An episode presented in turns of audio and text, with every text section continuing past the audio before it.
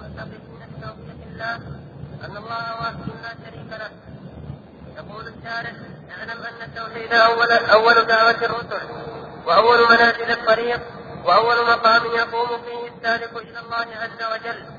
قال تعالى لقد أرسلنا نوحا إلى قومه فقال يا قوم اعبدوا الله ما لكم من إله غيره.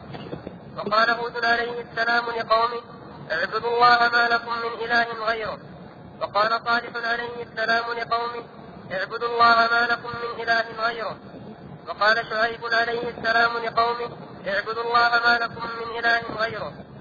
وقال تعالى ولقد بعثنا في كل أمة رسولا أن اعبدوا الله واجتنبوا الطاغوت. وقال تعالى وما أرسلنا من قبلك من رسول إلا نوحي إليه أنه لا إله إلا أنا فاعبدون. وقال صلى الله عليه وسلم أمرت أن أقاتل الناس حتى يشهدوا أن لا إله إلا الله وأن محمدا رسول الله.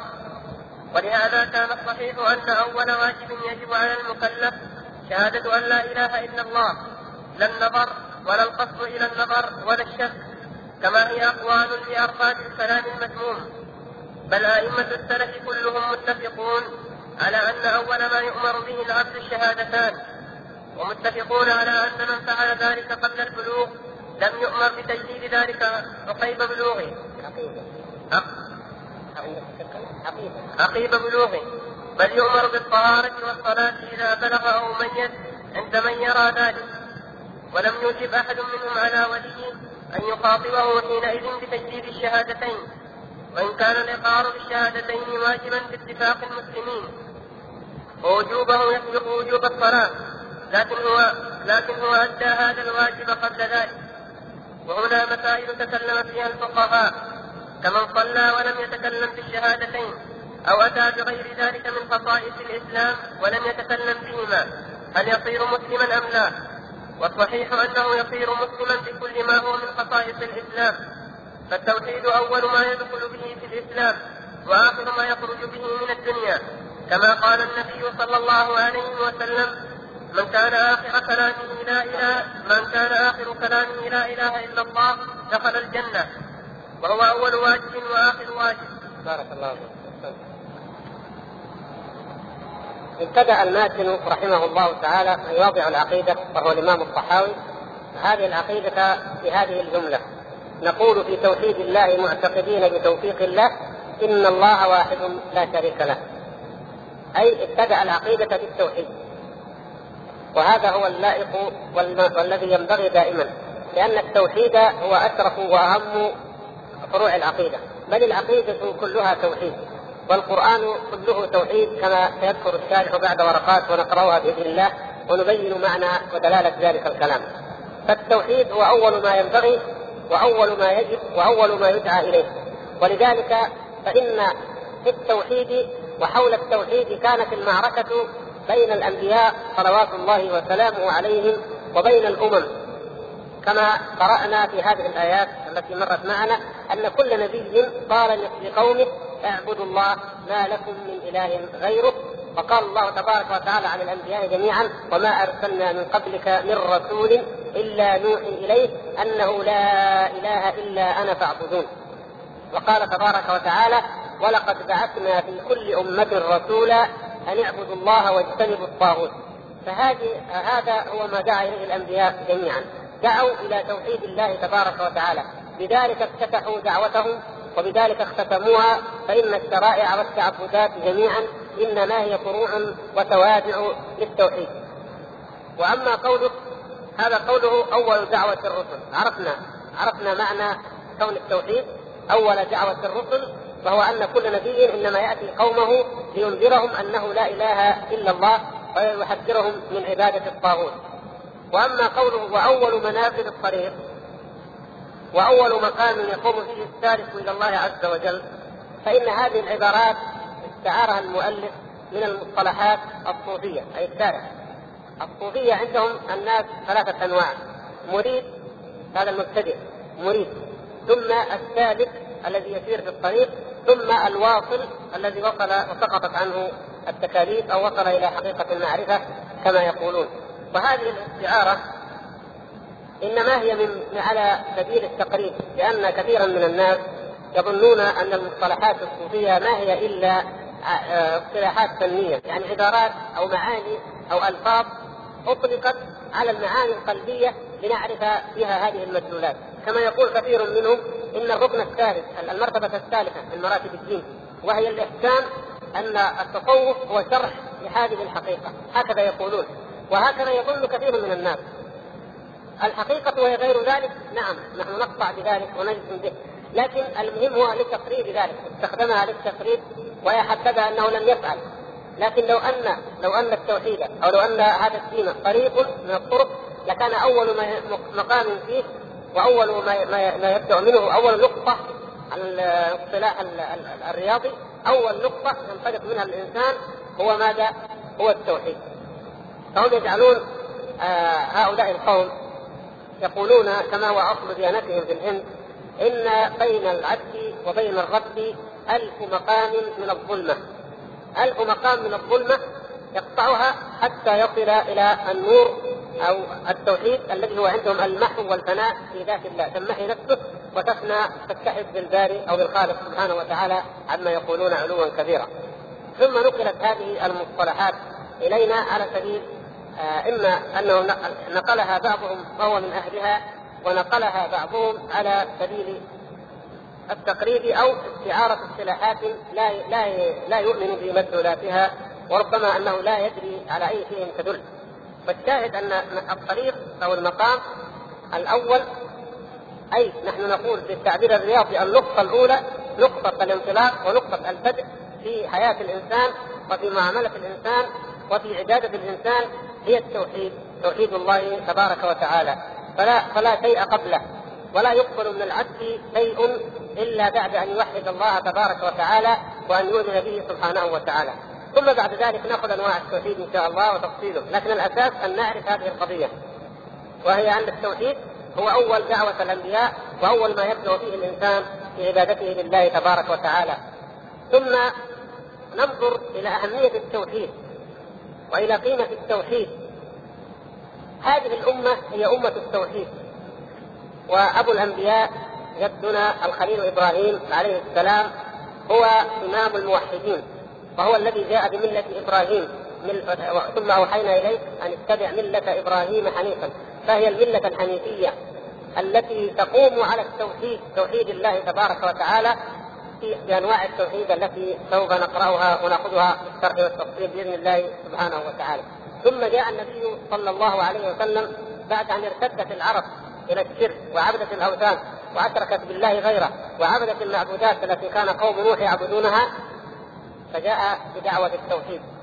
وهي شهادة أن لا إله إلا الله وأن محمدا رسول الله وجاء بالسيف كما قال صلى الله عليه وسلم.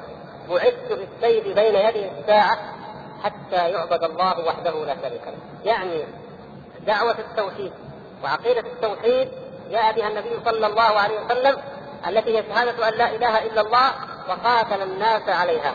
فهي الموضوع الأول وموضوع المعركة بين الرسول صلى الله عليه وسلم وبين المشركين. ومن هنا نعرف أهمية هذا العلم وأهمية معرفته من أصوله وفروعه. ولذلك يقول النبي صلى الله عليه وسلم كما في هذا الحديث أمرت أن أقاتل الناس حتى يشهدوا أن لا إله إلا الله وأن محمدا رسول الله. فهو بعث بالقتل والقتال حتى يعبد الله وحده تبارك وتعالى.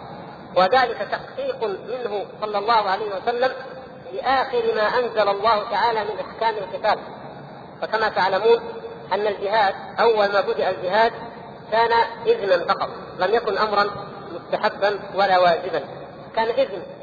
أذن للذين يقاتلون لأنهم ظلموا وإن الله على نصرهم لقدير. هذا إذن أذن الله تعالى للمؤمنين بعد أن تحركت قلوبهم وتشوقت إلى أن يقاتلوا الكفار. فأنزل الله تعالى الإذن. ثم استمر الأمر إلى أن تدرج في وصل في المرحلة الأخيرة إلى القتل لكل مشرك. بعد الأربعة الأشهر التي جعلها الله تبارك وتعالى آخر مهلة للكفار في جزيرة العرب خاصة أربعة أشهر يسيحون في الأرض ثم بعدها تكون النهاية.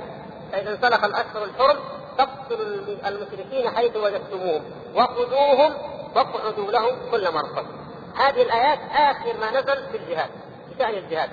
وقال سبحانه وتعالى عقبها فإن تابوا وأقاموا الصلاة وآتوا الزكاة فخلوا سبيلهم.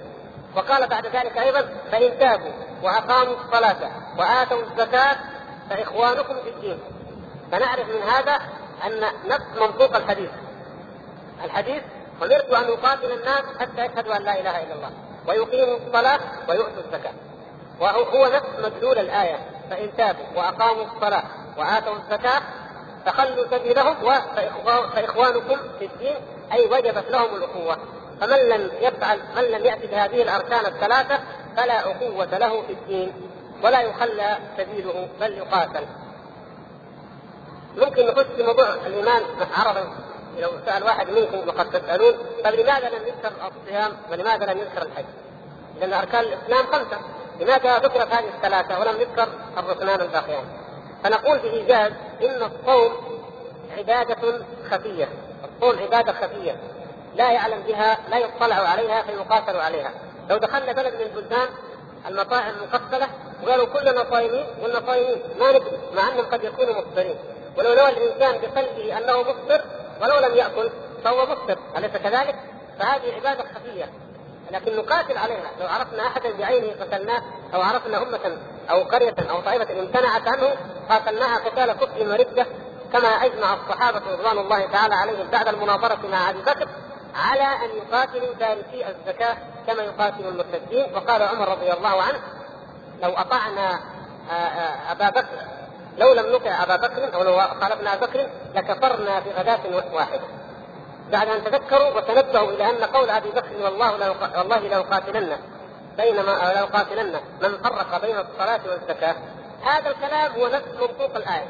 فإن تابوا وأقاموا الصلاة وآتوا الزكاة فجعلها واحدة. هذا بالنسبة للصوم، بالنسبة للحج الحج يجب مرة واحدة في العمر. ويجب على من استطاع الزاد والراحلة. وهذا لا نستطيع أن نعرفه أيضا بسهولة. لأن لو جينا قلنا لامم الأمم لما لا تحجون؟ قالوا حج السنة الجاية إن شاء الله أو بعدها. فلا نستطيع أن نقاتلهم أو أن نتبين أنهم لا لم يحجوا. لكن لو تبينا ذلك لو قالوا لا لن نحج هذا البيت ابدا لحكمنا بأنهم كفار وقاتلناهم قتال كفر ورده الشاهد أن هذه الأركان الأساسية الثلاثة التي هي شهادة أن لا إله إلا الله وأن محمدا رسول الله الركن الأول وإقام الصلاة وإيتاء الزكاة. هذه هي الأركان التي آه، ورد النص صريحا في المقاتلة عليها لأنها هي التي تعطي الطابع العام تعطي آه، صفة الإسلام للمجتمع أو للفرد. فقيام الفرد بينه وبين ربه قد قد يكتب في بيته ونحن لا ندري. وحجه بينه وبين ربه لأنه قد يقول أنا أريد أن أحج لما أكمل أربعين مثلا. وإن كان العلماء كما تعلمون قالوا قال بعضهم يجب الحج على الفور وقت الاستطاعة لأن الإنسان لا يضمن أن يعيش وهو حق. لكن الشاهد أن هذا بينه وبين ربه. أما الصلاة فنقاتله نقتله إن أصر على تركها. وأما الزكاة أيضا فنقتله أو نأخذها منه قهرا. فإذا أخذنا الزكاة منه قهرا وسكت وهو في قلبه كاره لذلك فهو منافق بينه وبين ربه، لكن عندنا في الأحكام الدنيوية الظاهرة نقول هذا زكاته أخذناها منه قهرا كما قال النبي صلى الله عليه وسلم إن آخذوها وسطر ماله عزمة من عزمات ربنا. هذه لمحة سريعة وإن شاء الله في موضوع الإيمان نتحدث بتفصيل أكثر عن أحكام الكفار وأحكام المرتدين ومعاملة كل منهم ولعلنا إن شاء الله بعد المغرب إذا تحدثنا عن حكم الزنديق نأتي على بعض هذه المسائل. الشاهد أن ماذا؟ أن أول هنا هي أهمية التوحيد وأنه أول ما يجب معرفته على العبد مثل ما مر معنا هو الأصل الأول من الأصول الثلاثة التي يجب معرفتها هو توحيد الله تبارك وتعالى. ولذلك الإمام البخاري رحمه الله تعالى لما وضع كتاب التوحيد.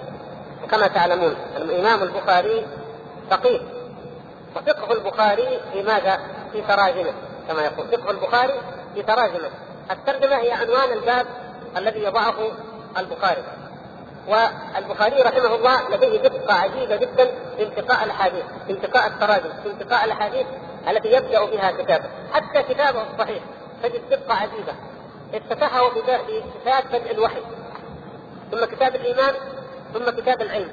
دقه عجيبة. وهكذا. فكتاب التوحيد ذكر فيه الإمام البخاري أول ما ذكر حديث معاذ. كتاب التوحيد من صحيح البخاري.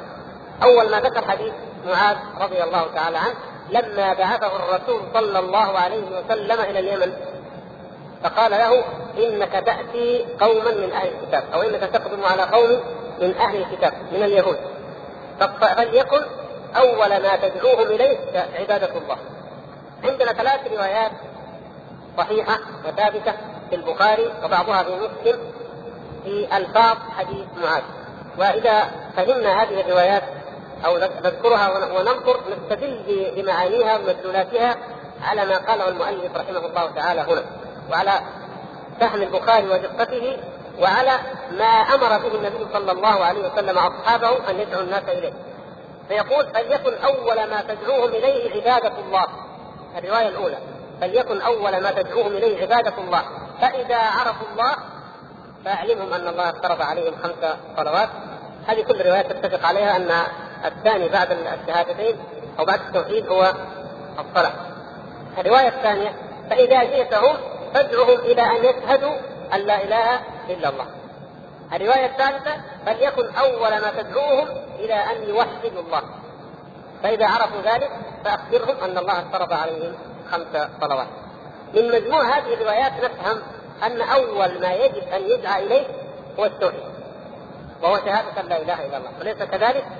الرسول صلى الله عليه وسلم قال فليكن أول ما تدعوهم إليه شهادة أن لا إله إلا الله أو أن يوحدوا الله أو أن يعبدوا الله وكلها معناها واحد. كل المعنى واحد.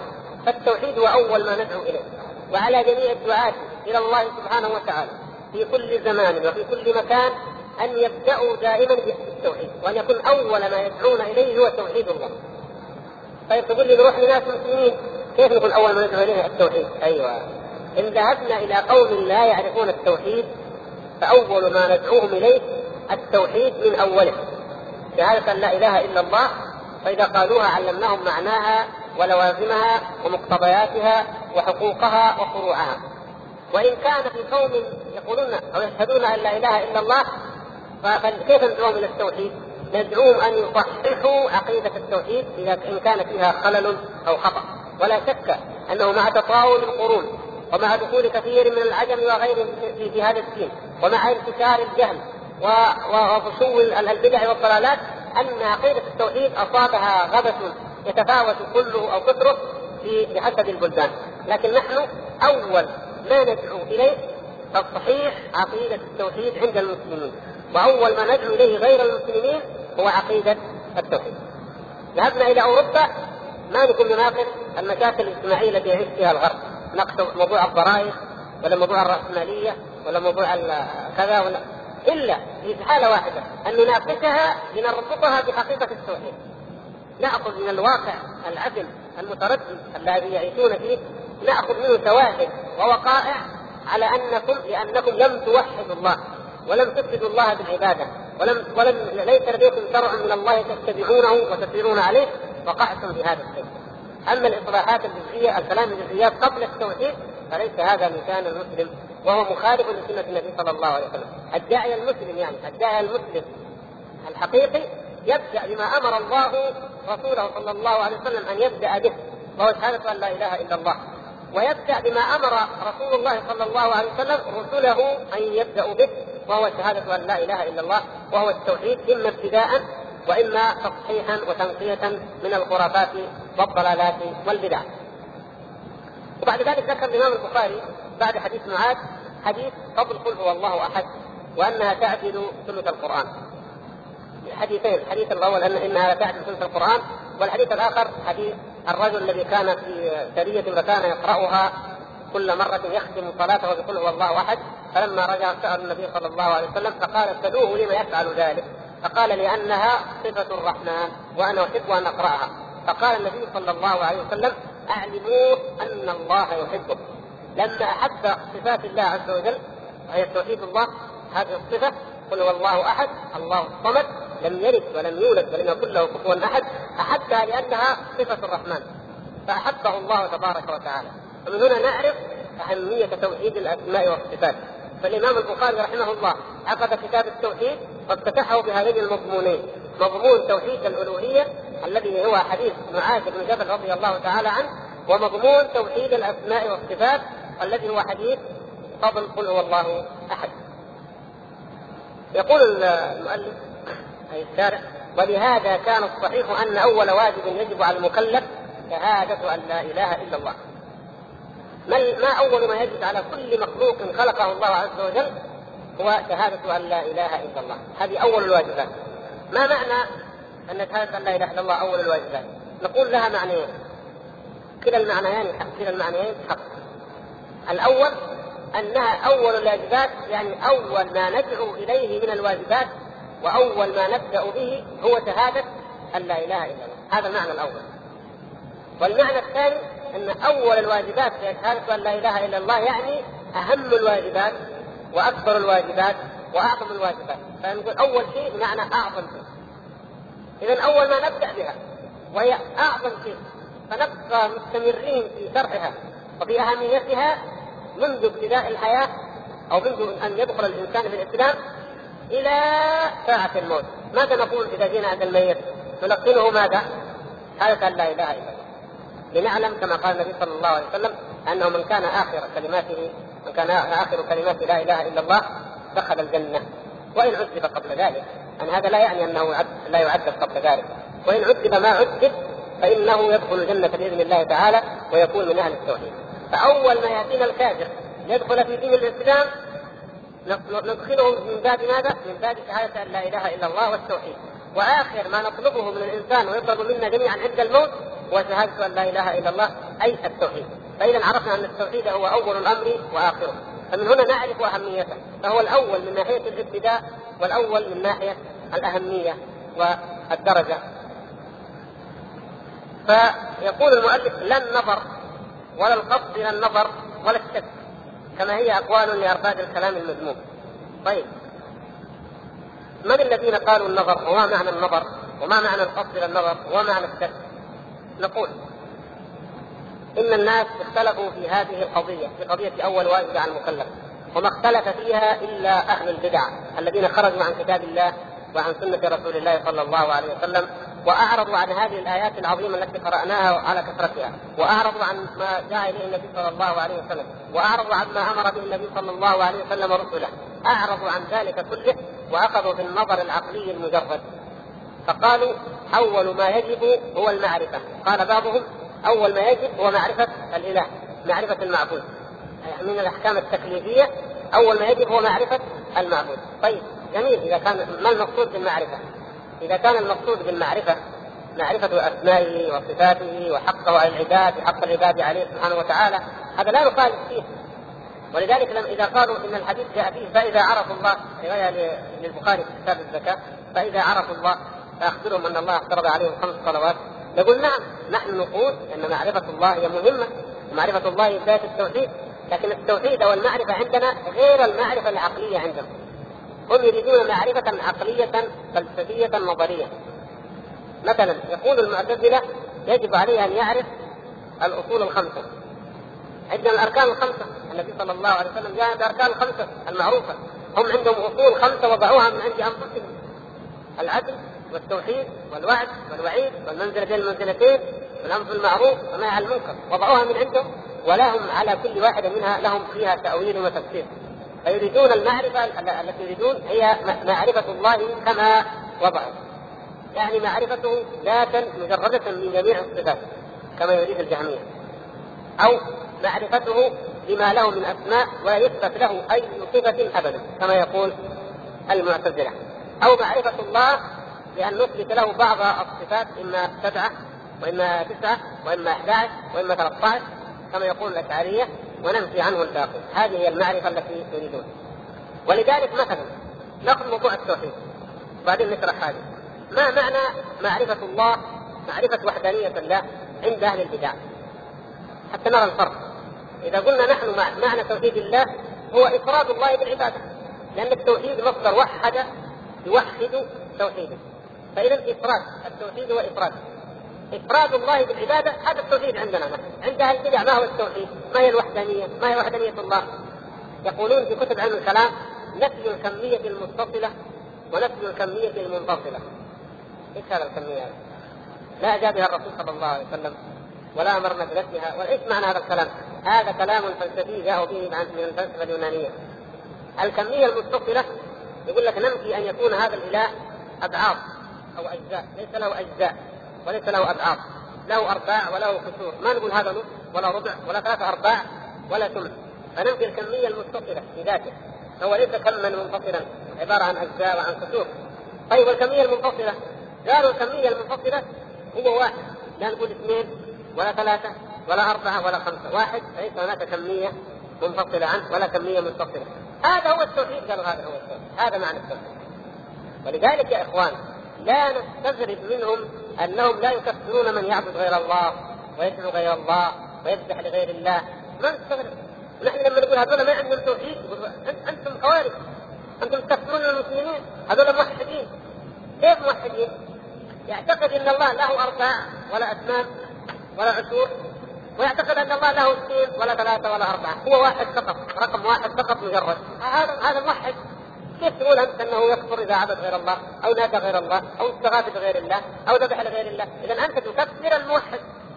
حتى يا إخوان إذا عرفنا أصولهم عرفنا كيف نناظرهم وكيف نناقشهم وكيف أن شبهاتهم لا تنطلي علينا ولا تؤثر فينا. فالمقصود أنهم يجعلون التوحيد أو الوحدانية عندهم هي نفي الكمية المتصلة ونفي الكمية المتصلة المتصلة والمنفصله فيثبتونه رقما مجردا.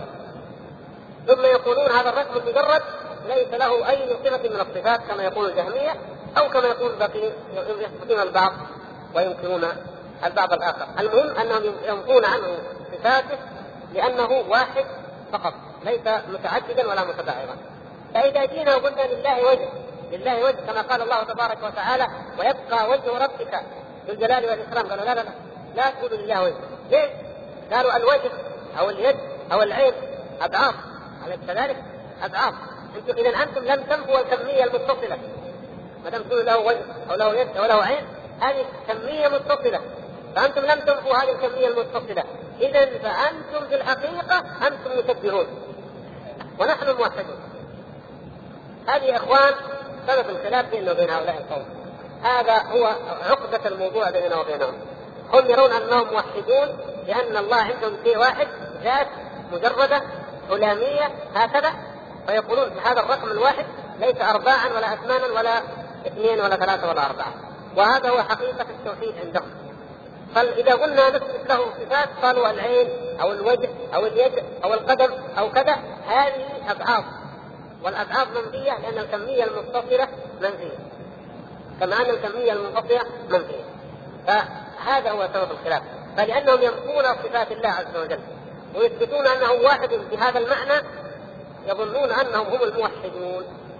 ونحن لأننا نثبت لله هذه الصفات وننهى عن الشرك بالله وندعو إلى توحيد الله بأن يفرد وحده بالعبادة والتوجه والتقرب.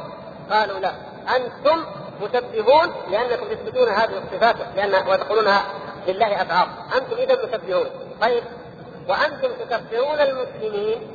لأنكم تأتوا إلى واحد موحد يعتقد بالله هذا الاعتقاد ولكنه يدعو غير الله يدعو الأولياء ويذبح الأموات وتقولوا هذا مشرك. وما أشرك ما دام عنده هذا القدر من التوحيد.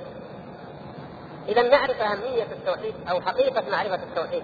فالذين قالوا المتكلمون قالوا إن أول ما يجب هو التوحيد عندهم أو المعرفة يعنون بها توحيدهم ويعنون بها معرفتهم. قال بعضهم ليس أول واجب هو المعرفة. وماذا اذا؟ قال أول واجب هو النظر. قال لماذا؟ ما وجهت قول من قال إن أول واجب هو النظر. قال لأن المعرفة تترتب على النظر. فالإنسان أول شيء ينظر النظر. آه، نعيد بعض الاصطلاحات النظر معناه التفكير.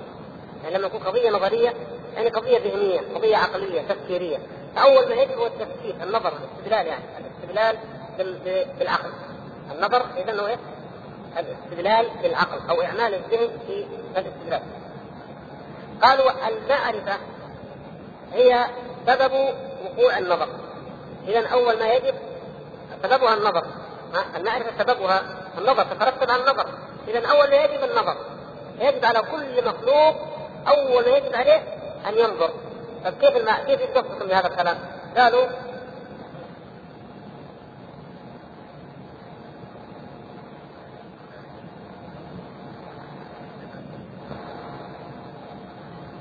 قالوا إن كان الإنسان مسلما أو غير مسلم. فلنأخذ المسلم. دعنا من غير المسلم. قالوا هذا المسلم إذا بلغ لأن التكليف يبدأ بالبلوغ هم من ناحية فقهية يأخذوا كانوا فقهاء لأنهم شافعية أو حنفية هم فقهاء. يعني يتبعون الفقهاء لكن في الأصول لا. قالوا إذا بلغ خمس عشرة سنة يعني مثلا في هذه الليلة احتلم أو أنبت أو بلغ خمس عشرة سنة. هذا التي يحصل بها البلوغ. إيش يجب عليه؟ قالوا من هذه اللحظة لحظة بلغ يقوم يبدأ يفكر. يقول هذا العالم حادث وكل حادث لابد له من محدث مثلا. وهذا العالم متغير. والمتغير حادث والحادث لابد له من محدث. اذا المحدث هو الله. اذا في إله اذا في رب. ويتأكد ويعيد المقدمات حتى يتأكد إنه في إله. ثم يعرف بعدين هذا الإله بعد كيف المعرفة؟ يعرفه كما وصفه يعرف أنه واحد يعني له ابعاض وله أعداد فإذا عرف هذا الشيء فقد وحد وأصبح مسلما. العجيب وقد يكون المضحك انهم بحثوا هم نفسهم قالوا طيب لو واحد مات في أثناء النظر على أي دين يموت؟ يعني هو مسلم ومن أبوين مسلمين ويصلي بلغ في هذه الليلة بلغ الليلة خلاص وبعد هذا ما يفكر ويجيب الأدلة ويرجح مات قبل ما قبل ما يصل للحقيقة ان الله موجود. قالوا بعضهم يموت على الكفر. يعني لسه ما دخل في الإسلام. ما دخل كيف نقول مات مسلما؟ طيب. قال بعضهم لا. إن شاء الله هو مسلم لكن عاصي. يعني يعذب. قال بعضهم لا يعذر أو يعفى عنه. وأطالوا الكلام في هذا. هذا مثلا الإرشاد كتاب الإرشاد الجويني امام الحرمين لكن هذا الكلام. كيف؟ من من اخترمته المنية كما يقولون وهو في حال النظر إيش حكمه؟ سبحان الله. كيف نضع الاصول الفاسده ثم نرتب عليها لوازم باطلة ومن الباطل باطل ثم يتشعب الباطل حتى نجد باطلا كاملا كما ترون في علم الكلام. من أولها إلى آخرها باطل مركب لا حق فيه ابدا والعياذ بالله. فقالوا اذا أول واجب هو النظر. هذا الكلام الذي قاله الجويني قال المعرفة والنظر قال ابن فورك كلاهما من أئمة الأشعرية. جاء واحد هو الباقلاني أبو بكر القاضي أبو بكر آه، ابن الطيب الباقلاني إمام الأشعرية في زمانه. قال لا نحن لا نقول الواجب النظر. كيف؟ قال النظر عباره عن أجزاء. عباره عن أجزاء معينة. فأول ما يجي هو أول جزء من النظر. وهو كل النظر واجب. وبعدين إذا وجد الجزء الأول هو بيجيب الثاني الثاني بيجيب الثالث حتى نصل إلى المعرفة. قالوا طيب هذا القول آخر. في قول رابع جاء به أبو هاشم الجبائي أبو هاشم الجبائي شيخ المعتزلة في زمانه. قال كل كلامكم غلط. الكلام هذا كله خطأ الذي قاله المتكلمون من قبل. ما هو الصحيح يا أبا هاشم؟ قال اول ما يجب على الإنسان هو الشك. كيف الشك؟ قال لأنك لما تشك تصل إلى اليقين. على طريقة ذكر لما قال أنا أفكر اذا أنا موجود. ما شاء الله. طيب الحمد لله. أنا أفكر اذا أنا موجود. هذه يقولون كانت أعظم نظرية أعظم فتح في تاريخ الفلسفة الأوروبية والعالم الغربي تحرر من قيود الرجعية ومن قيود الفلسفة الكلاسيكيه ومن قيود مدري إيه لما جاء ذكر بهذه القاعدة العظيمة لما خرج بهذه القاعدة وقال أنا أفكر اذا أنا موجود. يعني زي ما قلنا في الدرس الماضي الشك في الأشياء أو السفسطه انكار حقائق الأشياء هذه تخيم على أذهان الفلاسفة دائما تخيم على اذهانهم أن كل ما نراه الآن قد يكون حق قد يكون غير موجود. لماذا؟ لأن الله تعالى ابتلاهم بالشك والزيغ في قلوبهم لما يعني أعرضوا عن ذكر الله. فلما وجدوا يريدوا أن يجدوا دليل على انه على انهم على أن هناك وجود حقيقي للأشياء. وظهر في بريطانيا رجل اسمه هيوم. هذا هيوم يسمونه زعيم السكات أو شيخ السكات أعاد نظريه الشك اليونانية القديمة جدعة. وقال لابد من الشك ونشك في كل شيء وكل حقائق كل الحقائق الموجودة تقبل الجدال وتقبل النزاع ولا يوجد أي حقيقة مطلقا. هم اعتبروا ديكارت انتصار، الغربيون اعتبروا ديكارت انتصار لأنه قال قاعد يفكر يفكر يفكر هل فعلا في حقائق ولا ما في حقائق؟ بعدين افتكر الدليل قال ما دام أنا أفكر اذا أنا موجود اذا في حقائق موجودة اذا ما دام أنا موجود الحمد لله وقال الشيخ قال أنا أفكر اذا أنا موجود واعتبر هذا فتح عظيم في الفلسفة وفتح عظيم في أبواب المعرفة. وهذا يا إخوان حتى نعرف ما مقدار النعمة التي أكرمنا الله تعالى بها لما أعطانا هذا الوحي. ولما لم يتم إلى إلى زبالة أذهان هؤلاء المتهوسين أئمة الضلال هؤلاء. أعطانا الله سبحانه وتعالى نور العلم ونور اليقين ونور الوحي بحيث لو أن عندنا واحد أخذ الفانوس وخرج في الظهرية وقال وجدتها وجدتها كما قال صاحبهم الأولاني أو خرج من بيته وقال أنا أفكر إذا أنا موجود لقلنا إنه مجنون حتى عجائزنا الكبار قالوا يجن فلان. كيف يجن؟ قالوا خرج يقول أنا أنا أفكر إذا أنا موجود. قالوا مجنون سبحان الله. وإذا جاءتهم دعوة الأنبياء قالوا أنتم مجانين. كما قالوا الأنبياء وكما يقول لدعاة الإسلام اليوم أنتم مجانين. فمن هو المجنون في الحقيقة؟ لكن هؤلاء القوم الله سبحانه وتعالى أعمى بصائرهم. فهم في ظلمات. وهم في شك. وهم ومن كان في هذه أعمى فهو في الآخرة أعمى فهم في عمل وفي ضلال انحراف عن منهج الله سبحانه وتعالى. الشاهد قال البكائي أول شيء شك. نشك في كل شيء. وبعد ما نشك نبدأ في اليقين ثم نستدل على أن العالم حادث ثم نستدل بحدوث العالم على وجود الله ثم نعتقد أن الله موجود ثم نعرف ما يجب لله من التوحيد على منهجهم الذي هو منهج المعتزلة. هذا هو كلام أصحاب الكلام في ما هو أول ما يجب على المكلف. وهذا كله مردود ومنقوض بما بما هو في صريح القرآن وبما دعا إليه الأنبياء وهو في كتاب الله وسنة رسوله صلى الله عليه وسلم. من اول من أن أول ما يدعى إليه هو شهادة أن لا إله إلا الله وأن محمدا رسول الله. دعوة واضحة إلى توحيد إلى توحيد الله سبحانه وتعالى. ومع ذلك نحن نرد عليهم نقول لهم نخاطبكم بمنطلقكم العقلي وبحججكم كما تقولون النظرية. فنقول لماذا تقولون إن أول ما يجب هو القصد من النظر أو النظر أو جزء من النظر أو الشك قالوا لأن الفلاسفة لما جينا نناقشهم ونناظرهم ونقول الإسلام هو الدين الصحيح. لاحظوا يا إخوان لا ننسى هذه القضية. إن علة أهل البدع جميعا وأصحاب الكلام جميعا يقولون إننا ندافع عن الإسلام. حتى بعض العلماء مع الأسف مخدوع يقول المعتزلة دافعوا عن الإسلام. سبحان الله. فهم يقولون نحن لما ندافع عن الإسلام في وجه الأعداء الدين الملاحده والفلاسفة العقليين هؤلاء. قالوا لنا أنتم كل الأديان تقليد. كيف تقليد؟ قالوا اليهودي يولد الأولاد يهود وأولاد أولاد يطلعوا يهود وإلى يوم القيامة يهود. طيب وبعدين والنصراني يهود يولد نصارى ويولد إلى اخره والمسلم لأنه عاش في دار الإسلام ولد صار مسلم اذا هذه الأديان كلها تقليد والتقليد لا ينفع. أما نحن فنحن نقيم ديننا على حجج وعلى براهين وننبذ التقليد. فجاء علماء الكلام قالوا لا نحن ما عندنا تقليد ما عندنا تقليد نحن نقول أول ما يجب على الإنسان أنه ينظر أو أنه يشك أو أنه كذا حتى ينحرر عقله. أما الموجود لديك نعم يمكن يكون تقليد يمكن صح اذا هذا تقليد. لو أن واحد من المسلمين كما يقولون واحد من المسلمين يعيش في بادية أو في أي مكان وهو أمي ويعبد الله عز وجل ويقوم بجميع الواجبات والفرائض ودون دون أن يستدل بالعقل على وحدانية الله كما يريدون هم بالمعنى الذي يشرحوه قالوا هذا يسمى مقلد. وكما مر معنا اختلفوا في إيمان المقلد. فقال بعضهم لا يثبت وقال بعضهم إنه عاصي وقال بعضهم إنه معذور المقلد. المقلد عندهم هو هذا. ان اليهودي مقلد والنصراني مقلد والمسلم مقلد اذا أخذوا الاديان كلها تقليد وأما الحق فهو ما يعتقدونه هم من البراهين ومن الحجج العقلية.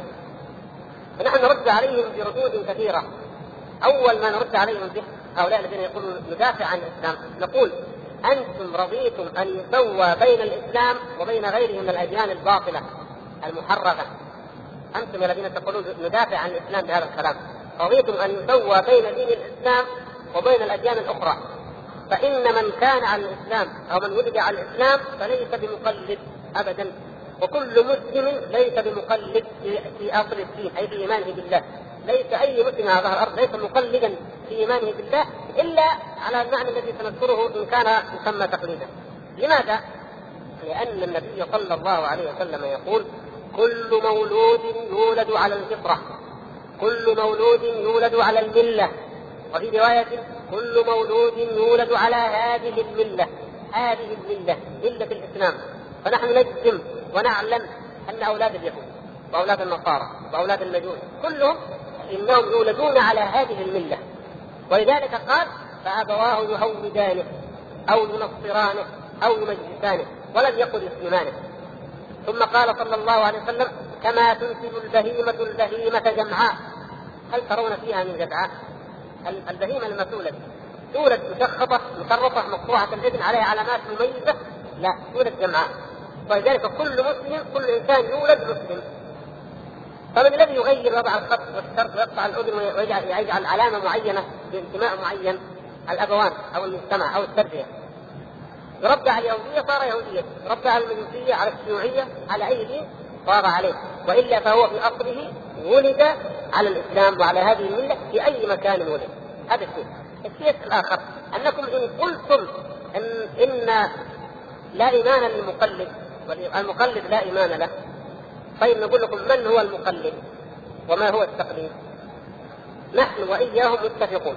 نحن وهم متفقون على أن التقليد هو اتباع الغير بلا حجة. نفس أصحاب الكلام هؤلاء. لو قلنا لهم أنا اتبعت كل ما تقول كذا قال لا لا تقلدني. لكن لو قلت ما هي براهينك قال كذا وكذا. قلت أيوه أنا عرفت هذه البراهين واتبعتك. أنا مقلد؟ يقول لي لا أنت ما أنت مقلد لأنك آمنت أو اتبعتني بعد ما عرفت براهين. فنقول يا سبحان الله وأي حجة أعظم من إرسال الرسل؟ وهل اتباع الأنبياء تقليد؟ المسلم متبع لمن؟ للنبي صلى الله عليه وسلم. وجميع أتباع الأنبياء على الحق بالتبعير للأنبياء. وأنتم تقولون ان التقليد هو إيش؟ اتباع أو أخذ قول الغير أو اتباع الغير بلا حجة. بلا حجة. فنحن ما هناك حجة أعظم من اتباع الأنبياء ومن الوحي الذي أنزله الله. ومن الآيات ما من نبي إلا وأتى بآيات بينات خارقات على أنه نبي من عند الله. وما من نبي كذب إلا وأهلك الله عز وجل المكذبين ودمرهم وأنجى المؤمنين وأنجى نبيهم. اذا اذا معنى هذا معنى هذا أننا لدينا حجة واضحة. حجة عظيمة. قل فلله الحجة البالغة. قال هذه الحجة هي إرسال الرسل لئلا يكون للناس على الله حجة بعد الرسل؟ فكيف تقولون ان نأخذ كلام الغير بلا حجة ونحن نتبع أنبياء الله ونتبع رسل الله ونتبع الآيات والبراهين البينات التي يجدها في الكتاب والسنة؟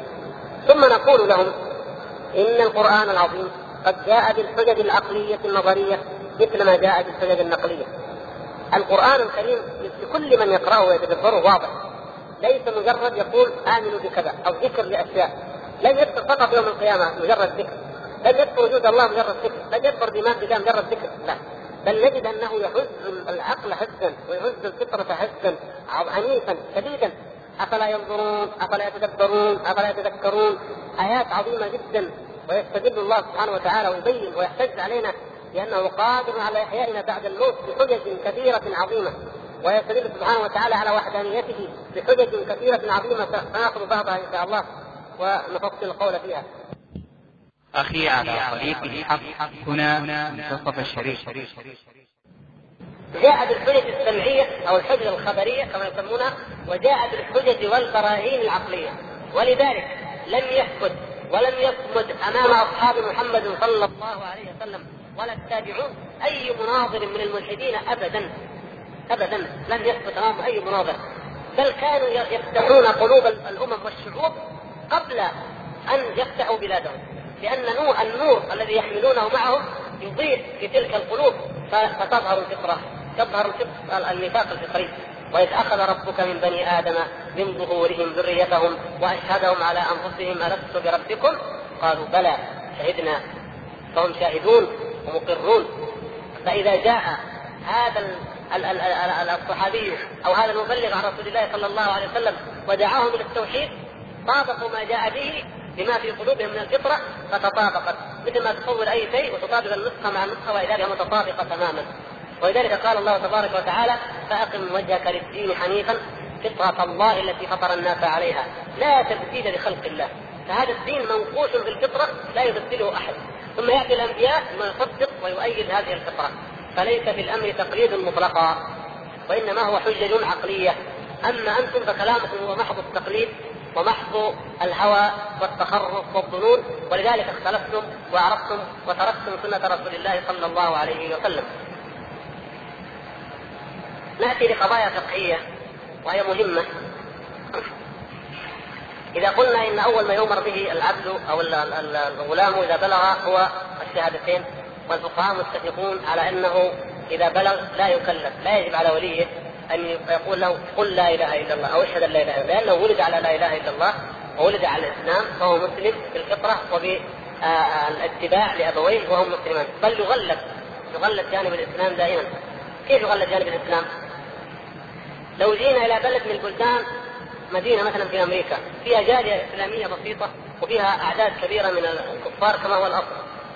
فإن المغلب لو وجدنا لقيط لقيط مرمي ما ندري لمن. المغلب هو جانب الإسلام دائما. فنفترض في هذا اللقيط الإسلام. ونأخذه ونربيه على أنه مسلم ونسميه محمد أو عبد الله أو أي اسم من أسماء المسلمين. ولا ندعه للكفار ابدا. ولا نقول نعطيهم إياه لأنه كافر. لا. يغلب دائما جانب الإسلام. فالأصل في الناس والأصل في كل مولود هو الإسلام وهو أنه يولد على هذه الملة. وهذا الكلام في كتب فقههم هم هؤلاء اصحاب البدع هؤلاء. في كتب فقههم. والعجيب يا إخوان إن بعضهم فقهاء. بعضهم فقهاء. يقول من أرباب الكلام ومن أرباب الفقه. إذا جاء في الفقه ذكر هذا الكلام. إذا جاء في علم الكلام قال لابد عدم التقليد ويكفر ولا ما يكفر. وكأنه يشرح لأمة أخرى غير أمة محمد اللي يشرح لها في الفقه لم يتكلم في أبواب الفقه. فنقول الإقرار بالشهادتين والنطق ولا حتى يعني حتى كلمة النطق هي أقل من أن تقال يعني لأن لأن القول لا إله إلا الله أعظم. في فرق يا إخوان بين القول وبين النطق، إيش هو إيش الفرق؟ النطق مجرد إخراج الحروف ثم نطق لكن القول في اللغة العربية يطلق على الفعل إذا أنا حركت كذا قلت وقال بيديه هكذا كما جاء في الحديث. وقال بيديه هكذا مثلا. أو يقول قلت بكذا بمعنى فعلت به كذا. فالشاهد أن الذي ورد في الكتاب والسنة هو قول لا إله إلا الله وليس نطق قول لا إله إلا الله الركن الأول من أركان الإسلام. لا يكون الإنسان مسلما ابدا ما لم يشهد أن لا إله إلا الله. وليس بهذا خلاف ولله الحمد بين علماء السنة والجماعة ولا بين الفقهاء إلا لما ظهرت البدع. فقالوا إن إن الإيمان يكون في القلب. عجيب قالوا هذا الإيمان بس هو ما في القلب. ولا يشترط أن ينطق ولذلك قال بعض المؤلفين أن من عرف الله في قلبه ولم يشهد أن لا إله إلا الله ولم ينطقها يعني رأى الرسول أي رأى أي نبي من الأنبياء أو سمع عنه كذا فلما سمع في قلبه يتيقن إنه رسول وراح مشى. ولا قال لا إله إلا الله ولا تحزب بشيء ولا تتبعه قالوا هذا يمكن أن ينجو عند الله. ناج عند الله ولا يعذب الله لأن التصديق حصل عنده. هذا كلام باطل مخالف للإجماع المنعقد من عهد النبي صلى الله عليه وسلم إلى اليوم من أهل السنة والجماعة وهو أن الإنسان لا بد له أن يشهد أن لا إله إلا الله ولا بد له أيضا أن يؤدي الصلاة ولا بد له أن يؤدي الزكاة. لكن الكلام بمبدا دخول الإسلام مبدأ دخول الإسلام هو شهادة أن لا إله إلا الله فلا بد أن يشهد بها نطقا حتى وإن كان في قلبه غير مقر بها. قد يقول ذلك نحن لا نطلع على القلوب ولم نؤمر أن نشق أن نشق القلوب، لكن أما القول فيجب أن نسمعه منه حتى إذا قال أشهد أن لا إله إلا الله عاملناه معامله المسلمين كما قال النبي صلى الله عليه وسلم أمرت أن أقاتل الناس حتى يشهدوا أن لا إله إلا الله وأن محمدا رسول الله ويقيموا الصلاة ويؤتوا الزكاة. فإذا فعلوا ذلك عصموا مني دماءهم وأموالهم إلا بحقها وحسابهم على الله. إن كان في قلبه يعتقد غير ذلك حسابه على الله. أما أن يعتبره مسلم وهو لم لم ينطق بشيء ولم يقل أي شيء فهذا خارق للإجماع المستفيض المشهور أنه لا بد أن يشهد كل إنسان أن لا إله إلا الله وإلا لا يعتبر مسلما ولا مسلما ولا يأخذ أي حكم من أحكام المؤمنين لا في الدنيا ولا في الآخرة. طيب كيف لماذا نقول هذا الكلام؟ نقول يا إخوان لأن هناك فرق بين أحكام المرتد وبين أحكام الكافر الأصلي. الكافر الأصلي اليهودي أو النصراني يبقى على كفره، لكن من قال لا إله إلا الله شهد لا إله إلا الله وقال أنا مسلم أو فعل شيئا من خصائص الإسلام ثم نكر ثم كفر ثم رأيناه يحمل الصليب مثلا ثم سجد لغير الله. فهذا مرتد وهذا يقتل. بخلاف الأول فإن دينه هو هكذا من الأصل. فنحن نعامل المرتد بناء على أنه قد دخل في دين الإسلام. طيب بما يصير الإنسان مسلما؟ بما نعرف أن هذا دخل في دين الإسلام؟ أهم هذه العلامات هو أن يشهد أن لا إله إلا الله وأن محمدا رسول الله. يكفي؟ لا لا يكفي. إذا شهد أن لا إله إلا الله وأن محمدا رسول الله ألزمناه بفرائض الإسلام الزاما. لاحظوا نحن لا نكره أحدا أن يقول لا إله إلا الله. لكنه إذا قال لا إله إلا الله باختياره نكرهه على أن يصلي وإلا قتلناه رده وكفرا على القول الصحيح الراجح الذي لا يجوز العدول عنه. فيقتل كفرا. لماذا؟ لأنك ما دام قلت أشهد أن لا إله إلا الله قد التزمت بهذا الدين ودخلت فيه. فتقول أترك الصلاة؟ هذا كفر. نعلمه طبعا نعلم ان كان جاهل حتى يعرف. فإذا عرف يجب عليه أن يلتزم بباقي الأحكام. يقول المؤلف هنا وها هنا مسائل تكلم فيها الفقهاء كمن صلى ولم يتكلم بالشهادتين. أو أتى بغير ذلك من خصائص الإسلام قال هل يصير به مسلما؟ قال الصحيح أنه يصير مسلما بكل ما هو من خصائص الإسلام. عمر رضي الله عنه قال لو أنني بعثت جيشا لو أنني بعثت جيشا فحاصروا حصنا من العجم من أي أمة فخرج منهم رجل من الحكم المحاصر فرفع يديه إلى السماء وأشار بإصبعه إلى السماء هكذا فقتلهم المسلمون لقتلتهم أو وديتهم يعني إما أقتلهم أو أدفع دياتهم لماذا؟ لأنه ما دام أشار هكذا قد أشار بالتوحيد. يمكن يكون عجم ما يفهم أي لغة من ما يفهم اللغة العربية. أشار هكذا أشار بالتوحيد. أشار بالعلو بأنه لا إله إلا الله سبحانه وتعالى. اذا يعني نقول نقبل أي شيء يدل على الإسلام. أي قرينة تدل على الإسلام. هذا القول الصحيح.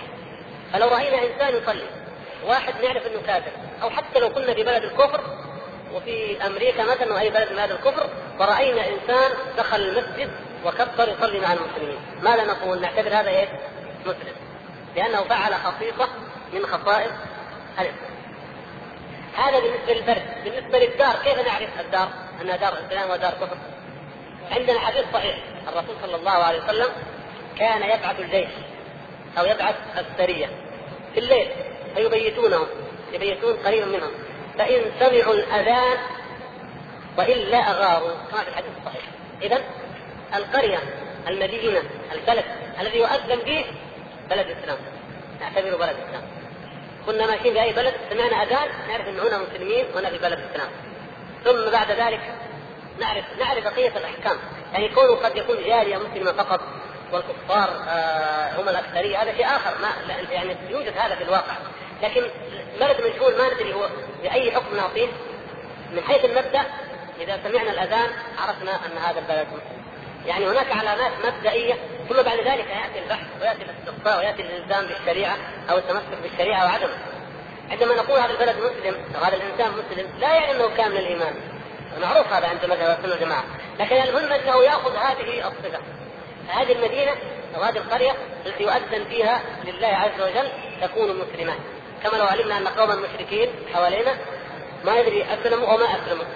فلما سمعنا وإذا يؤذن على بصوت عالي في هذا البلد ولا أحد يعترض على الأذان.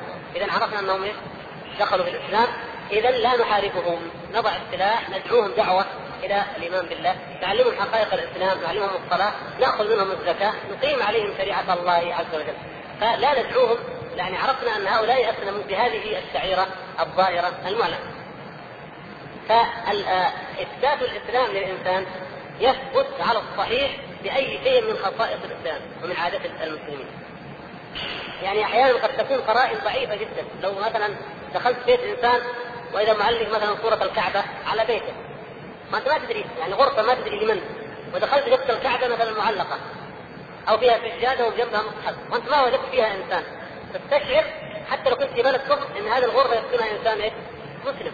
لو جاء قال السلام عليكم تأكدت إن هذا مسلم ما يعني هذا اللي تشهد له من أهل الجنة ولا كان الإيمان يعني في ناس ما قدروا يفهموا هذا الشيء. فذلك قاعد يقول لك لا لا اتاكد وأتأكد. ما هو الغرض هذا مجرد اثبات مبدئي للأحكام. لا يعني الشهادة له بالجنه ولا بكمال الإيمان. لكن نحن نعمل بالقرائن. فإذا قال أشهد أن لا إله إلا الله وأن محمد رسول الله رأيناه يصلي في ظاهره ملتزم بأحكام الإسلام نحكم له بالإسلام. نحكم له يعني يأخذ الأحكام الظاهرة من أحكام المسلمين. وفي بعض الأحاديث زيادة كما يقول النبي صلى الله عليه وسلم في حديث صحيح فإذا صلوا صلاتنا واستقبلوا قبلتنا وأكلوا ذبيحتنا قال فهم المسلمون أو فهو المسلم له ما لنا وعليه ما علينا. أيضا أكل الذبيحة الذي يأكل ذبيحة المسلمين معناه انه دخل في دينهم. لأن نحن نترك لا نأكل ذبائح المشركين. والمشركون لا يأكلون ذبائحنا فرضا نعرف هذا منهم. فإذا أكلنا من أكل ذبيحتنا واستقبل قبلتنا وصلى صلاتنا فهو المسلم. في أي شيء له ما لنا وعليه ما علينا في الحقوق المعاملات الدنيوية. أما في العقيدة وأما في في الدين أما ما بينه وبين الله عز وجل فهذا يكين به الإنسان لربه تبارك وتعالى. ونحن إنما نعامل الناس بالأحكام الظاهرة حسب ما يظهر لنا منهم من كل إنسان. أرجو أن تكون هذه القضية واضحة يعني. ولذلك كما تعلمون أنه من قال لا إله إلا الله ولو كان في المعركة كما في حديث أسامة لما قتل الرجل فقال رسول الله صلى الله عليه وسلم أقتلته بعد أن قال لا إله إلا الله؟ قال يا رسول الله إنما قالها متعوذا بها من السيف متعوذا بها من القتل حتى لا أقتله فقال له النبي صلى الله عليه وسلم أشققت عن قلبه؟ فقال أسامة لا جرم لا أقتلن بعدها مسلما أبدا. ونفع الله تعالى أسامة بهذا الحديث. نفع الله تعالى أسامة بهذه القضية. فإنه لما اقتتل المسلمون لما قتل الصحابة وقعت الفتنة بينهم اعتزل أسامة جميع الفرق ولم يقاتل لا مع علي رضي الله عنه ولا مع أحد آخر غيره. مع حبه لعلي رضي الله عنه. حتى إنه قال لو كان لو كنت في شدق الأسد يعني علي رضي الله عنه لو كنت في شدق الأسد لوددت أن أكون معك. إلا في هذا الأمر. إلا في قتال المسلمين. لأنه قد التزم أن لا يقاتل مسلما ابدا. بعدما قال له النبي صلى الله عليه وسلم أشققت عن قلبه ونهاه عن قتل المسلمين. قال إني نهيت عن قتل المصلين. أو نهيت عن أقتل من قال لا إله إلا الله. بعض العلماء كما ذكر الحافظ ابن حجر في شرح كتاب التوحيد من صحيح البخاري وأنا أوصيكم جميعا أنكم تراجعوه لأنه فصل في قضية النظر هذه وما غيرها ذكر كلام أئمة الأشاعرة في ذلك. وذكر كلام أبي جعفر السمناني وهو من أئمة الأشاعرة الكبار ذكر أنه قال هذه المسألة مسألة أن أول واجب هو النظر أو آه، بداية النظر أو اجزاء النظر. قال هذه المسألة بقيت في مذهب الأشعري من المعتزلة. والحسن الأشعري رحمه الله عاد إلى مذهب أهل السنة والجماعة لكن عودة إجمالية. والإنسان قد يعود إلى الحق عودة إجمالية لكن لا يعرف تفاصيل هذا الحق. كما أن الإنسان قد يعيش مفكرا كبيرا في الشيوعية أو في اليهودية ويعرف كثيرا جدا ثم يقرأ عن الإسلام ثم يدخل يعود للإسلام فيدخل فيه. هل دخوله في الإسلام يعني أنه عرف جميع تفاصيل الإسلام؟ نقول نساله إيش رأيك في حكم كذا وإيش رأيك في كذا بما أنك مفكر في دينك الأول بما أنك عبقري أو إمام في دينك الأول إذا نجعلك عبقري وإمام شيخ الإسلام في ديننا يبدأ يتعلم ديننا من أول أحكام الطهارة. من أول أحكام التوحيد حتى إذا صار شيخ الإسلام استفتينا. لا لا نحاكم من الأول بالقياس أو الشاهد أن حتى علماء الكلام من رجع منهم إلى عقيدة أهل السنة والجماعة يرجع رجوعا مجملا وقد لا يتاح له أن يعرف تفاصيله. أبو حامد الغزالي وهو ما تعلمون من العلم والتبحر فيه لم يتمكن من الرجوع هو مات وصحيح البخاري على صدره. ما يزال يقرأ في السنة أو أول ما عرف الطريق أول ما عرف الطريق بدأ يقرأ لم يكتب بعد في هذا الطريق الذي عرفه. على أنه افنى عمره في كتابات كثيرة في التصوف في علم الكلام وأشياء كثير جدا. وفي آخر أمره يقتنع أن علم الكلام ما يصلح. فقط. وقال الجاء الف كتاب الجام العوام عن علم الكلام. طيب عرفنا أن علم الكلام ما ينفع؟ هذه مرحلة. المرحلة الثانية إن نبدأ إذا من الايه؟ من الكتاب والسنة. بدأ بالبخاري؟ مات. شوفوا كيف. الطريق الطويل هذا اللي سلكه. بينما الإنسان لو بدا من أول أمر فمن عافاه الله بدا من أول الامر فليحمد الله عز وجل على ذلك. الشاهد أن الإنسان إذا بدا بطريق الحق لا يشترط أو لا يقتضي ذلك أنه عرف الحق كله. فأبو الحسن الأشعري رجع على مذهب أهل السنة والجماعة في الجملة ولكن لم يعرف تفاصيله فبقي فيه من مذهب أهل السنة والجماعة من مذهب الأشعري المعتزلة بقي فيه في كلامه هذه المسألة وهي أنه أول ما يجب على الإنسان هو النظر.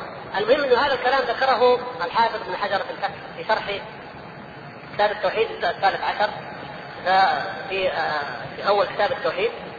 قال هناك ذكر ابن حجر رحمه الله قول وهذا اللي أنا بمناسبته يعني تحدثت معكم يقول إن من آه، بعض العلماء وبعض المصار قال إن الفعل لا عموم له.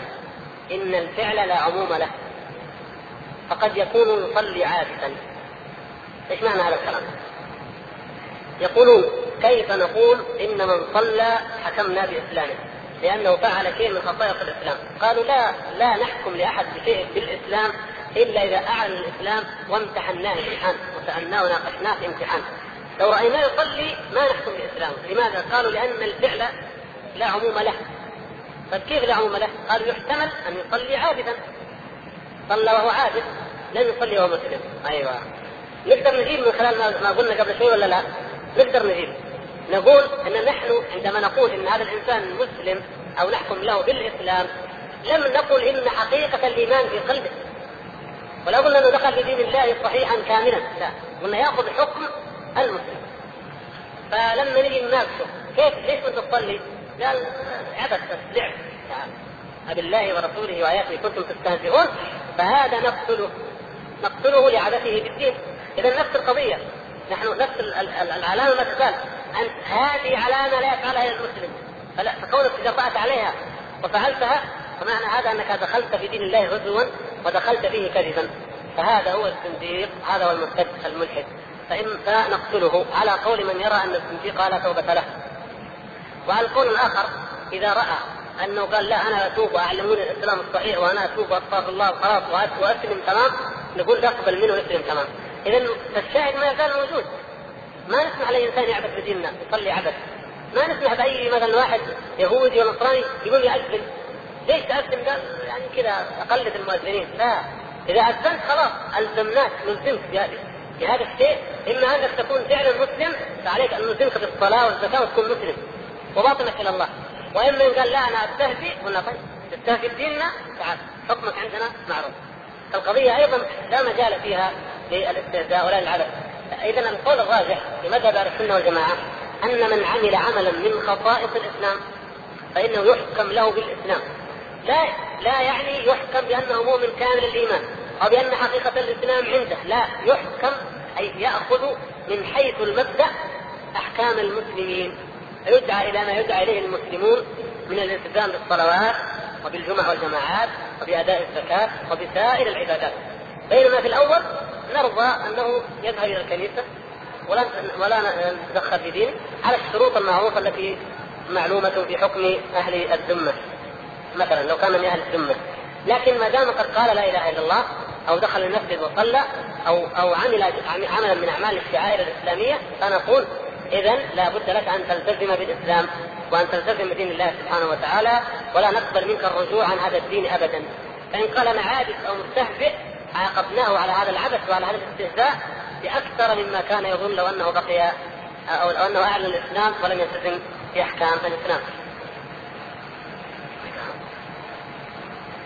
فالتوحيد أول الأمر وآخره. اعني توحيد الإلهية. فإن التوحيد يتضمن ثلاث أنواع. أحدها الكلام في الصفات. والثاني توحيد الربوبية. وبيان أن الله وحده خالق كل شيء. والثالث توحيد الإلهية وهو استحقاقه سبحانه وتعالى أن يعبد وحده لا شريك له. أما الأول فإن فإن نفاة الصفات أدخلوا نفي الصفات في مسمى التوحيد كجهم بن صفوان ومن وافقه. فإنهم قالوا إثبات الصفات يستلزم تعدد الواجب وهذا القول معلوم الفساد بالضرورة فإن إثبات ذات مجردة عن جميع الصفات لا يتصور لها وجود في الخارج وإنما الذهن قد يفرض المحال ويتخيله وهذا غاية التعطيل. وهذا القول قد أفضى بقوم إلى القول بالحلول والاتحاد وهو وهو أقبح من كفر النصارى. فإن النصارى خصوه بالمسيح وهؤلاء عمموا جميع المخلوقات. ومن فروع هذا التوحيد أن فرعون وقومه كاملو الإيمان عارفون بالله على الحقيقة. ومن فروعه أن عباد الأصنام على الحق والصواب وأنهم إنما عبدوا الله لا غيره. ومن فروعه أنه لا فرق في التحريم والتحليل بين الأم والأخت والأجنبية ولا فرق بين الماء والخمر والزنا والنكاح والكل من عين واحدة لا بل هو العين الواحدة. ومن فروعه أن الأنبياء ضيقوا على الناس تعالى الله عما يقولون علوا كبيرا. ابتدا المؤلف رحمه الله يشرح انواع التوحيد الثلاثة. وهنا قضية نبدأ بازاله هذه الشبهة التي تثار. يقول لك بعض المبتدعة من الذي قسم التوحيد إلى ثلاثة أقسام؟ هذه بدعة. وكأنهم يعلموننا أن كل بدعة ضلالة. ويقولون أنتم تقولون دائما توحيد الربوبية توحيد الألوهية توحيد الأسماء والصفات. نقرا في القرآن ما وجدنا حاجة اسمها توحيد الاسماء والصفات. ولا وجدنا في السنة هذا الكلام. فمن أين جئتم به؟ هذه الشبهة دفعها سهل وهين وهي دلالة على جهل هؤلاء الناس وأنهم يكابرون. وإلا فإنهم ما عهدناهم يتحرزون أو يتحرجون من البدع حتى يقولوا إن هذا التقسيم بدعي. ولكن نقول لهم مع ذلك إن أقسام التوحيد الثلاثة دل عليها القرآن بل دلت عليها السورة العظمى في القرآن السبع المثاني الفاتحة التي نقرأها في كل ركعة من صلاتنا. فإذا قلنا الحمد لله رب العالمين فهذا توحيد الربوبية.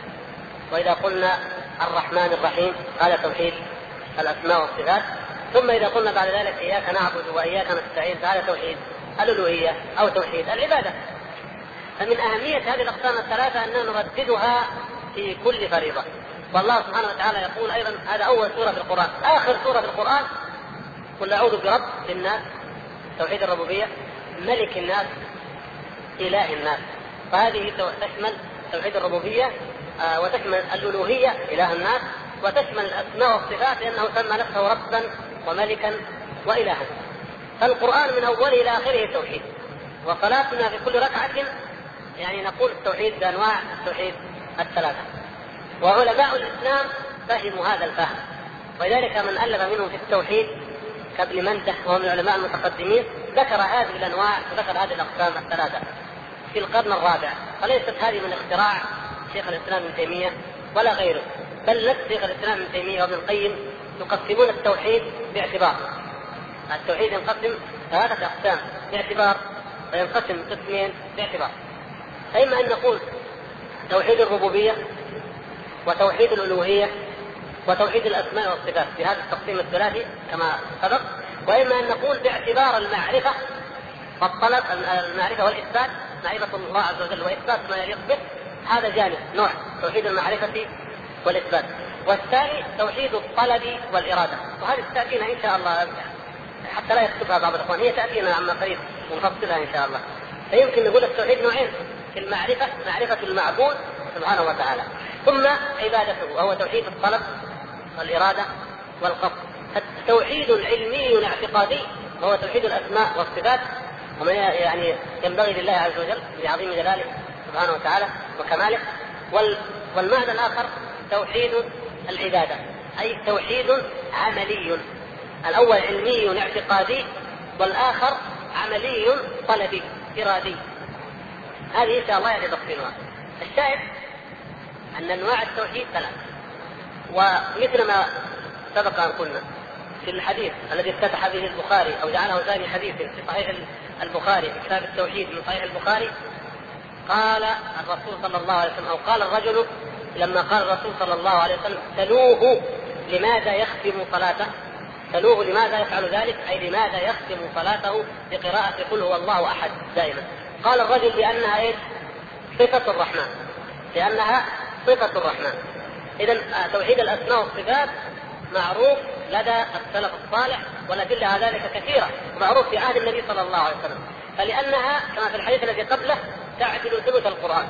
اذا ثلث القرآن في الحديث الصحيح. حديث صحيح جاء بعد يوضحها أنها تعدل ثلث القرآن لأنها إيه؟ صفة الرحمن. اذا ما معنى هذا؟ معنى هذا أن توحيد الأسماء والصفات هو ثلث التوحيد. ثلث التوحيد. والتوحيد الآخر الربوبيه والتوحيد الثالث. الالوهيه اذا الحمد لله الأدلة من الكتاب ومن السنة ومن فعل السلف دالة على أنواع التوحيد الثلاثة ولا ينكر ذلك إلا مكابرا ولو أنهم حققوا التوحيد لما اختلفنا ونحن وإياهم في الأسماء. لكن لماذا هم يقولون أن التوحيد لا هذه الأقسام لا وجود لها. لأنه مثل ما قلنا أن التوحيد عندهم فقط نظرية. توحيد نظري معرفي. وهو نفي الكمية المتصلة ونفي الكمية المنفصلة. هذا التوحيد عندهم. فقالوا هذه الاقسام الثلاثة بدعة. لكن الحمد لله قد اجبناهم من كتاب الله ومن سنة رسول الله صلى الله عليه وسلم ومن فعل مؤلفي وعلماء السلف كالبخاري وابن منده ثم من تلاهم من علماء الإسلام. وذكر المؤلف رحمه الله أنواع الثلاثة هنا وسيذكر بعد صفحات أنها نوعان. فالأول الكلام في الصفات والثاني الربوبية والثالث الألوهية يقول أما الأول أما الأول أما بيان التوحيد الأول فإن نفاة الصفات أدخلوا في نفي الصفات أدخلوا نفي الصفات في مسمى التوحيد. التوحيد عند الجهمية أن لا يثبت لله صفة قط. والتوحيد عند المعتزلة أن تنفى جميع الصفات لكن مع إثبات الأسماء. عليم بلا علم، قدير بلا قدرة، مريد بلا إرادة، عزيز بلا عزة، هكذا يقول المعتزلة. من عند أنفسهم افتروا على الله عز وجل. والله تبارك وتعالى قد جعل القول على الله بغير علم في درجة بعد درجة الشرك في الزجر قل إنما حرم ربي الفواحش ما ظهر منها وما بطن. والإثم والبغي بغير الحق. وأن تشركوا بالله ما لم ينزل به سلطانا. هذا أعظم. وأن تقولوا على الله ما لا تعلمون هذا أعظم من الشرك. المشرك يعبد غير الله عز وجل. هو قاعد يعبد حجر أو يعبد أي شيء المسيح أو عزير أو أي أي طاغوت يعبد غير الله، لكن من يقول على الله بغير علم أعظم من مجرد هذا المشرك، لأنه يأتي ويقنن وينظر لهذا الشرك ويقول دين الإسلام ما ينفع ونأخذ من دين الإسلام كذا ونترك كذا ونأخذ من الأحاديث كذا ونرد كذا ونأخذ من ويبدا هذا مقنن هذا مفتري على الله عز وجل، إذا فهذا من القول على الله بلا علم، فهو أعظم من مجرد الشرك بالله تعالى.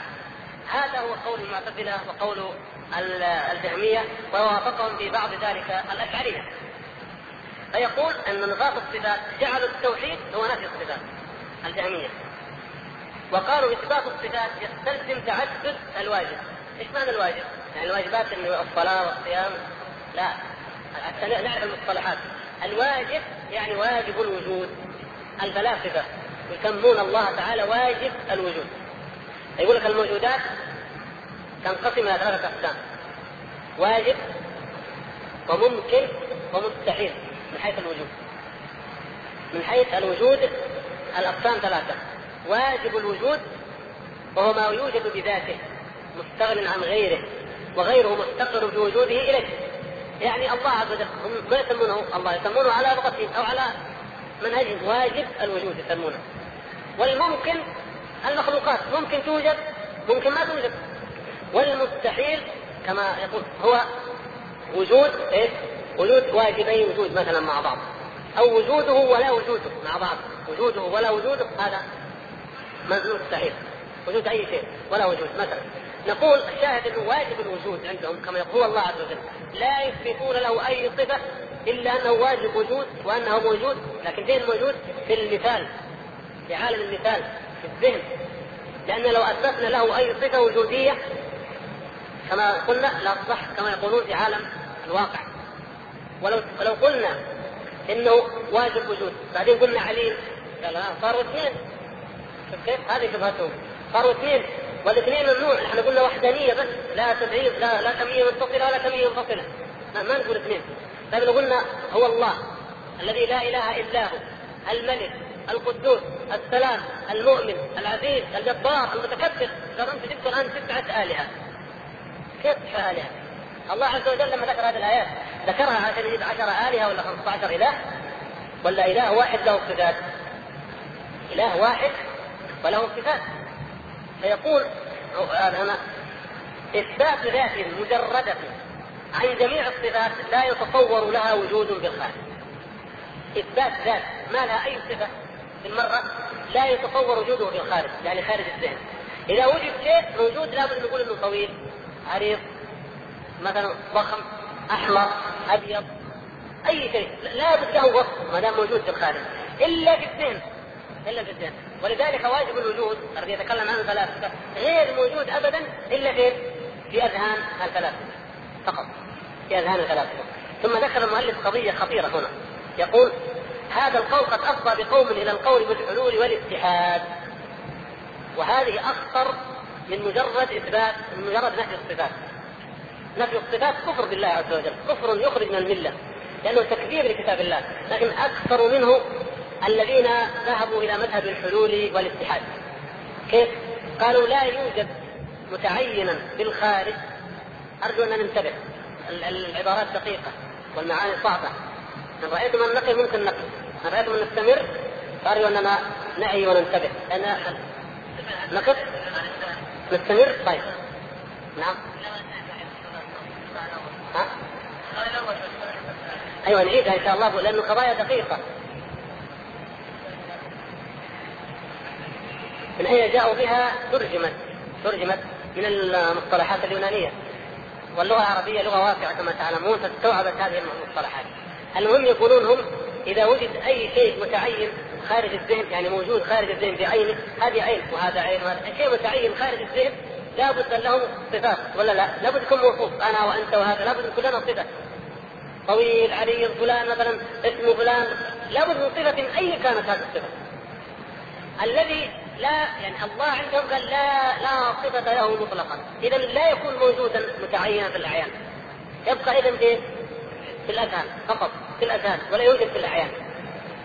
فجاء البعض الآخر اللي هم الصوفية بنوا على هذا الكلام في آخر قالوا ما دام لا وجود له في, في ال الأعيان إذا حقيقة الأمر أنه ما في إله غير هذه الأعيان، ما في شيء غير هذه الأعيان. إذا هذه الأعيان هي ذاتها الله سبحانه وتعالى. عرفتم كيف ركبوا قضية وحدة الوجود أو الحلول؟ ركبوها على نفي الصفات. ما دام لا يوجد معين أبدا لا يوجد إلا هو موصوف المعينات موجودة.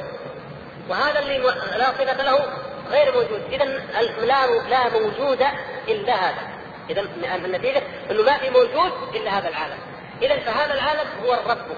وهو الإله وهو الخالق هو المخلوق معا هو هذا هذا معا ولذلك يقول هذا أقبح من كفر النصارى. ليه؟ لأن النصارى خصوه بالمسيح. قالوا هو المسيح الله هو المسيح أو الإله حل في المسيح. اما هؤلاء فقالوا حل في كل شيء وهو في كل شيء. فالوجود الخارجي هذا هو نفسه الإله فهؤلاء أكثر من النصارى. ثم ذكر ما يلزم على هؤلاء هؤلاء من اللزومات يقول من فروع هذا التوحيد ان فرعون وقومه كامل الإيمان عارفون بالله على الحقيقة، يعني كل من أنكر الله عز وجل كما وصف نفسه سبحانه وتعالى فهو مؤمن بالله، لما قال فرعون أنا ربكم الأعلى صادق على كلامه. والعجيب إنه هذا ما هو لازم قولهم. يعني إحنا نقول فرق بين أنك تلزم إنسان تقول له يا أخي لازم كلامك هذا كذا، كلامك هذا يلزم منه كذا، وبين يكون كلامه هو. لا صرح بعض الصوفية بكلامه هو بأن فرعون كان صادقا عندما قال أنا ربكم الأعلى. قالوا لماذا؟ قال لأنه ما في الوجود إلا هو. هو الوجود نفسه. فإذا قال أنا ربكم الأعلى وهو من الوجود فهو ما كذب. هذا هو الوجود. ولذلك ألفوا كتابا في إثبات إيمان فرعون بعضهم. وبعضهم يقول فرعون أصلا ما كفر ولا أشرك. وكل من عبد الأصنام أو عبد الكواكب أو عبد الأحجار ما عبد غير الله. ما عبد غير الله.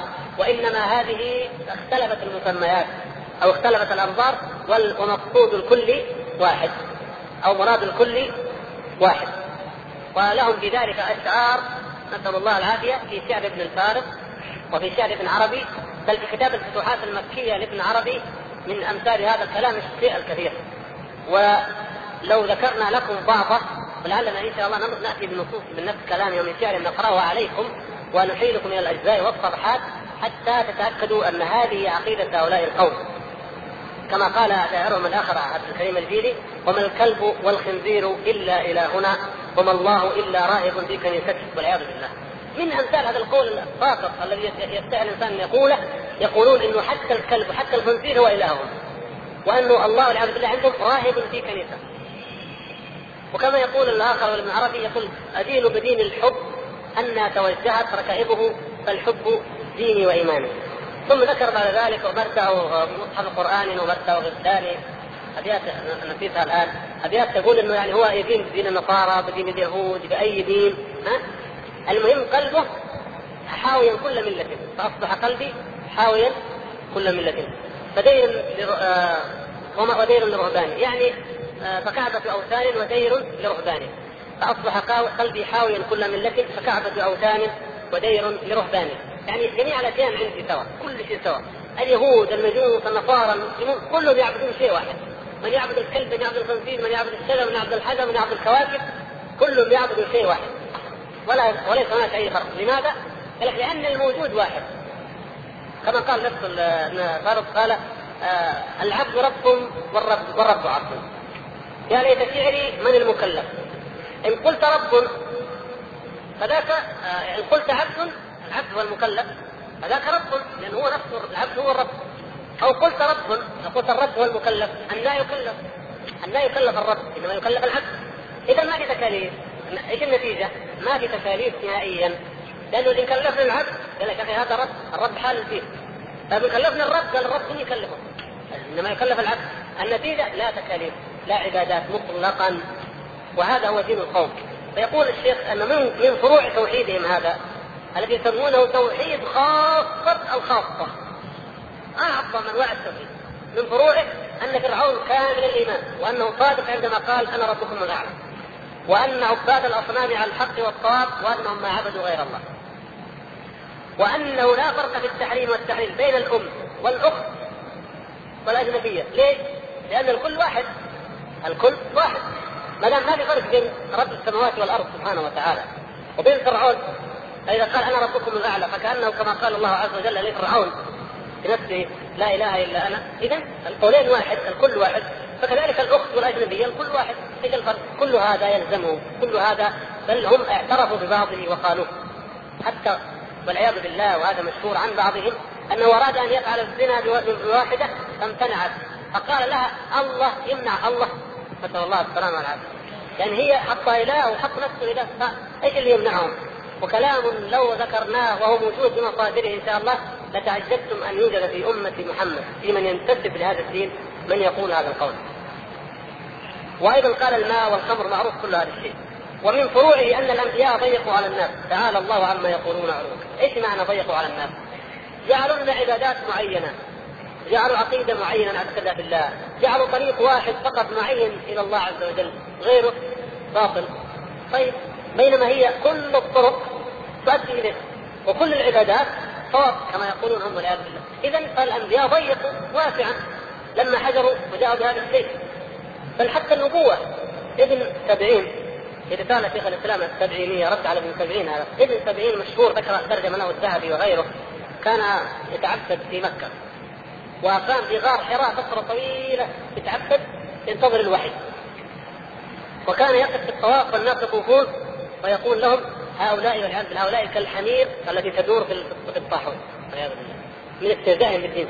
فقالوا له ما ما تتعبد لما تتعبد أجل أنت عند الكعبة هنا؟ ما دام هذا الكلام تروح على حراء. قال أنتظر الوحي.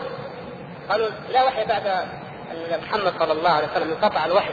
قال لقد ضيق ابن آمنة واسعا والعياذ بالله شوف وهذا دين القوم نسأل الله السلامة والعافية. وهؤلاء القوم في الحقيقة هم زنادقة تستروا بالانتساب إلى الدين ليهدموه. ونسأل الله سبحانه وتعالى أن يكشف باطلهم. وقد كشفهم الله عز وجل وفضحهم بما ألف علماء الإسلام من نقد ابن هذه النظريات. وهذه النظريات يا إخوان كلها تعود إلى الوثنية اليونانية حتى دعاوى الصوفية هذه. كلها ترجع إلى الوثنيه اليونانيه لأن الفلاسفة الرواقيون كانوا من أكثر الناس عبادة وأكثر الناس زهد فكان الحكماء يقولون إذا أردت الحكمة وأن تنقدح في قلبك حقائق الحكمة وتنطق بالحكمة فلا تأكل في اليوم إلا لوزة أو حبة أو كذا. وقننوا قوانين. وكانوا يمشون. المشاؤون كانوا في آه الأماكن العلم حقهم اليونانيين يمشوا يمشوا يفكر ويمشي ويلقي الدرس التلاميذ وهو يمشي. يقول لك التفكير مع المشي يكون أعمق وكان يمشي. سموهم المشاؤون والرواقيون كانوا يجلسون بين الاروقه سموه رواقيون الشاهد هؤلاء كانوا يعذبون أنفسهم ولا يأتون إلا القليل يقول لك تنقطع الحكمة في قلبك. نفس الشيء أخذه هؤلاء أصحاب وحدة الوجود والحلول الاتحاد فقالوا إذا تعبدنا كثير وزهدنا في الدنيا وضيقنا على أنفسنا تفيض علينا الحكمة. ويفيض علينا العلم اللدني وينزل في قلوبنا العلم الباطل فننطق بكلام وإن عارض الأحاديث وإن خالف هذا الكلام الذي قال صاحبهم يقول حدثني به قلبي عن ربي والعياذ بالله. فقال أنتم تأخذون دينكم ميتا عن ميت. حدثنا عبد الرزاق مات. عن معمر ميت. عن أيوب ميت. ما كلهم مات. لكن نحن نأخذ علمنا عن الحي الذي لا يموت. والعياذ بالله.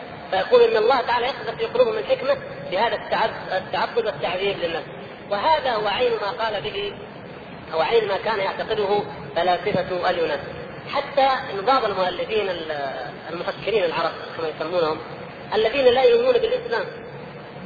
يعني لا يؤمن بالإسلام فعلا. هو يعني مسلم اسمه محمد أو فلان. يعني يمكن اذكر لكم بعض الأسماء. مثلا